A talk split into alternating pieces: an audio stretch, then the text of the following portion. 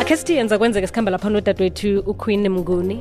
Ngikutshelile ngaye ngaphambi kokuthi sitshinge lapha endabeni zesimbi yesumi. Zizwakele kamnandi nzotho sithokozile. Nekuganadleni ngezamva nje zemidlalo. Besalalela lethi sukuma bakubone mntwami sky wonder. Zizwakele kamnandi ngaphambi kwale ethi burn out yendlovu youth choir. Lotshani queen. Lotsha sisibusayi vukile awa ngivukile ngibuza nina. Gama lakho lukhulu linamandla nguqueen ndlovukazi. Iye vele. Ene ngile lodwana sisibusayi elinye anginalo. Awunalo kwase kwathiwa queen usesemncane. Queen bekunoqueen omncane omhlophe. E bavele babona indlovukazi nje. Umncancane "Ah, iye lo nguqueen lo. And ngiyalithabela igama lelo ngi-proud ngoba nami ngiphethe njenge-queen. Yana igama lakho layakulandela iye liyangilandela sisibusayo siyabathokoza bakuthiyako uyazi ukuthi wathiya ngubani iye bangathiyelelwa ngugogo bangithelela ngomana kagogo wami. Kunomani kagogo wakho abangikhwini kade kuphi nendawo? Sesibusayo eyi nedi lapho angazi nje. Sengiyazi ukuthi kunomana kagogo wami bakuthiwa nguqueen. So Wow. bangipha igama lelo iye. Olright khe ngekhe kube nelinye ecajana ni? Um ke laba khona bathi ngufikile kodwana-ke alibereki abaliberegisi liberega leli Laka-Queen. okay saluso sicocela ke ngoqueen mnguni. Okay sisibusayi ngithome ngokuthokoza abalaleli nawe nomrhatsho um ngibalotshise endaweni ezihlukahlukene mina nginguqueen wakwamnguni um ngikhulele endaweni esemakhaya ekuthiwa yikatshibani mm. ingale ngempumalanga ngaphasi kwe-dr j s moroka municipality. Alright iye ngikhulele lapho sesibusayi i-primary yami ne-high school ngizifundele lapho. Um ngathi bone ngiphathe ibanga lami lethumi nambili-ke ngasuka ngayochubeka ngemfundo zami.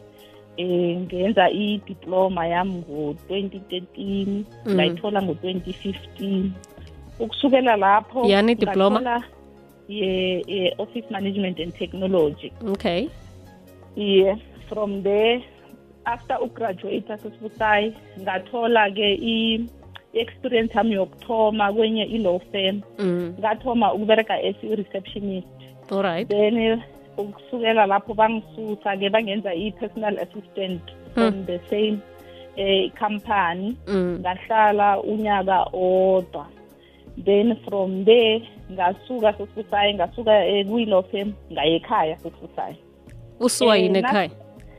Ekhaya sisibusayi ngiseyintshisakalo yokuhelebha emphakathini sisibusayi eh bengitshisa kakhulu indaba le ngibona ukuthi hayi lapha ngi- angitholi isikhathi kuyabona sokuthi ngikwazi nokuhelebha lapha ngale ngekhaya ubonene ekhaya bekuchodana ekhaya sisibusayi um indawo esiphuma kiyo ayinayo ama-resources ene begodu like eh, nasifika endaweni yokufunda sisahlagahlaga uyabona Mm. ilimi uyabona imbalo uyabona sisibusayi mm. so ngasuka lapho ngayokuhlala ekhaya sisibusayi kodwana bengingakahlali nje kwaphela mm. ngathoma-ke ngenza i-research sisibusayi ukuthi ngingenzani mm. uyabona ukuze ngikwazi ukuhelebha enye into godu eyangipha namandla ukuthi nangiloko ngiya lapha ema-meeting esikoleni Womphakathi. ngoba nginomntwana oh Yes, wesikolo mm. wesikolo nginomntwana ofundako naye sisemncane una-nine years nangiloko ngiya lapha ngizwa um abothishera-ke bakhuluma ukuthi abantwana bathagathaka kuphi Nga- ngase lapho-ke ngaba nombono omkhulu wokuthi ngirejistare i-non-profit organization eyabizwa yisiyathuthuka youth advisory center mm. lapho-ke ezohelebha abantwana eh, ekuthuthukiseni ilimi mm. nembalo-ke mm. busayi then from lapho saba neentshijilo eh, esi-organization sisibusayi azange sisaphumelela ngendlela ebesihle- besihlose ngayo mm. then ngathola ithuba elinye-ke lokuyosebenza komunye umphakathi kwenye indawo engale kwemakawunyani lapho-ke nakho bengiphekela abantwana ukudla sesibusayi ngiyenza ngitshala amaveji and then ngibenzisa nama-homework eh, Alright. benza nama benza nama-activity abo-netbola ukubasusa sesibusayi endleleni Mm. lokho kwangifundisa sesibusayi ukuthi nawe usebenza ngomphakathi usebenza njani nomphakathi iintshijilo ohlangabezana nazo ngiziphi nokuthi unga ungahelebha umphakathi omunye nomunye it doesn't matter ukuthi umphakathi lowo unjani Mm. kwakuthusa sesibusayo ngoba bengazi ukuthi umphakathi loya uzongamukela njani uke wabona kanti yazi ngizibuza soloko ngisidake endabeni nakho yokusuka eh njengoba ufunde ethwane nje ngicabanga ukuthi mhlambe nomsebenzi wawuthola khona nawuthi wabuyela ekhaya utsho ukuthi wasuka epitori iye ngasuka epitori ngabuyela ususwa ukuthi ufuna ukuyokusiza umphakathi namkhana ususwa ukuthi mhlawumbe bekuyi-intern iphelile noma njani no bekungasiyi-intern sisibusayo Bowuqashiwe? Ibe- ngiqashiwe sisibusayo uhola ngihola sisibusayo kodwana wabona ukuthi ngcono ngilise ya. Iye ngabona ukuthi ngcono ngilise sisibusayo wow. Then ngathi kulapho sisibusayi-ke ngabona ukuthi ukuhelebha umphakathi kufuna imali mm, mm. sisibusayi so ngabona ukuthi ngcono nami ngikhambe-ke ngichubeke ngiyokusebenza sisibusayi eh kulapho-ke ngathola khona i-internship kwenye i-government department ngonyaka ka-2019 alright sisibusayi eh lapho-ke eh ngayenza i-internship yami eh toti ngonyaka lo ka-2020 Mm. yona i-contract yakhona yaphela ngo-august. Alright. So ngaba nenye i-idea nangiloko ngi- ngi- ngilapho ku-internship yokuthi ngcono umuntu sesibusayi achubeke Mm. afunde. Mm. kulapho-ke ngaregister sesibusayi for i-advanced diploma yami ngojanuwari. Okay. Um sikhuluma ngonyaka lo. Sikhuluma ngonyaka lo sesibusayi Mm. eh ngi-registered ngenza i-advanced diploma sesibusayi and then-ke kwavela u-covid-19 sesibusayi Mm. u-covid-19 kwaba ne-lockdown sahlala emakhaya. So ngimuntu ongathanda ukuhlala ngingenzi litho sesibusayi okay. So nangiloko ngihlezi ngazela umbono obenginawo kade sesibusayi eh ukuthi singavula ibhizinisi. Yabona sesibusayi eh kulapho-ke ngahlala phasi ngathi nongcono ngiqalisisa umbono wami lo wokuvula ibhizinisi yokucatera sesibusayi Okay. kulapho-ke ngahlangana nosisinom saphamela ngubeni eh yena bekumuntu ophekako athengisa ama-plate. Then khona ekatshibana noma khona konje ekatibana sesu okay. Em emuka unyana ngitsho bengivolontiera ekatibani kusekhaya. Oh. Iye sesibusaye khona ekhaya ngahlangana naye sesinomsa ngamtshela umbono enginawo yokuthi bengiloko nginombono lapha ukuthi singangena emkhakheni lo-catera sesibusaye siphile eh si sihlanze izitsha ke sesibusaye nokuchopha lokho kwang- ku- kuveze indaba yokuthi besiloko sibona sesibusaye lapha eminyanyeni nakuno- nakunomnyanya. Ngitsho vane sihelebhane eh sikomakhelwane sesibusaye iye. eh nama-society. So uyothola ukuthi kuhlala kunemikhulumo sesibusaye ukuthi uzibani bani akekezi ngomsebenzi akazibani bani ngekho na- nathi asiyi sesibusaye uyabona uthola ukuthi abantu ozithembele bona abezi. Uyabona ushoda izandla. Mm. uyabona wabona ibhizinisi. Ngabona ibhizinisi mina unjalo umuntu ongusomabhizinisi abathi i-entrepreneur ucala lokho ukuthi yini echoda kolapha emphakathini. So ekatshibana nje kunekhampani nasi yokukatara yona kuhle kuhle icale nokuthi kuyakelwa kuyasikelelwa ama-vegetables iye sesibusayi ngiyo leyo sayibiza ngokuthi inhlanganiso event ngoba sinosisinomsabe sihlanganisa ibhizinisi yakhe nale emina benginayo Okay. sesibusayi inhlanganiso Yes. events. Iye sesibusayi okay. Lapho khuluma. Oh lapho ke sesibusayi eh kulapho ke sibona khona isidingo sokuthi no singahelebha umphakathi njengoba ama-society nabo aboma bama-society ba- ba- bangabi abanye abakhona ukuba nesikhathi uyabona? And esikhathini bangabe esiningi baqatshe eminyanyeni- nina jace bangabe basiqashe sesibusayi sizobasebenzela sesibusayi bona bahlale-ke banethezeke bayinjoye. Ikhampani nabanye abantu endaweni ezihlukehlukene phela lapho ungathola ne-potential boyfriend angitsho sesibusayi angazi-ke lapho-ke mina. Ngiba ukwazi kodwana-ke ukuthi um yikhamba- i- i- ibhizinisi enekhonakalo kangangani? Ngoba ezinye izinto zizwakala zimnandi ziromantic kodwana-ke nakufanele ukuthi i- isebenze. Abantu balapho ukuthi bayamukela njani njengoba navele utshule ukuthi indawo inokuzihlagahlagela imali yokuthi babhadale i-catering ngaphandle kokuthi sibala ama-prize. I- i- inekhonakalo engangani ukuthi ingakhula? Sesibusa ikhonakalo lona likhona. Njengoba sisakhuluma nge-10 zika-october sayilontsha ibhizinisi khona siyilontshela khona ngale ngekhaya. Okay. and eh, kwaba kuhle ngoba nabantu endaweni ezihluka kibo ez- eziseduzane kibo marapian nanani ba- basondela sisibusayi baza bazosisapota okay. And ukudla lokho besikuphekile sisibusayi azange kuwasteke sisibusayi bayijabulela i-idea.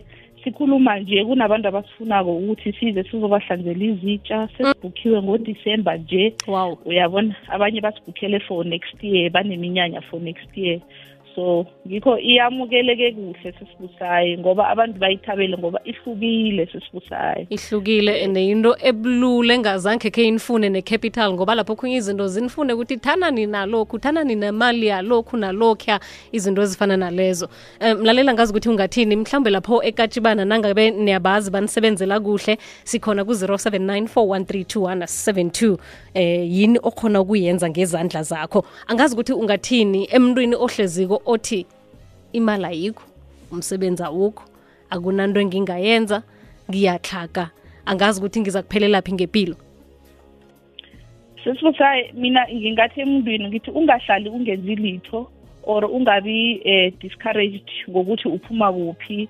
Eh wena funa ithuba i-opportunity kuyo yonke into e- e-negative engaba khona there's always into e-positive ekhona.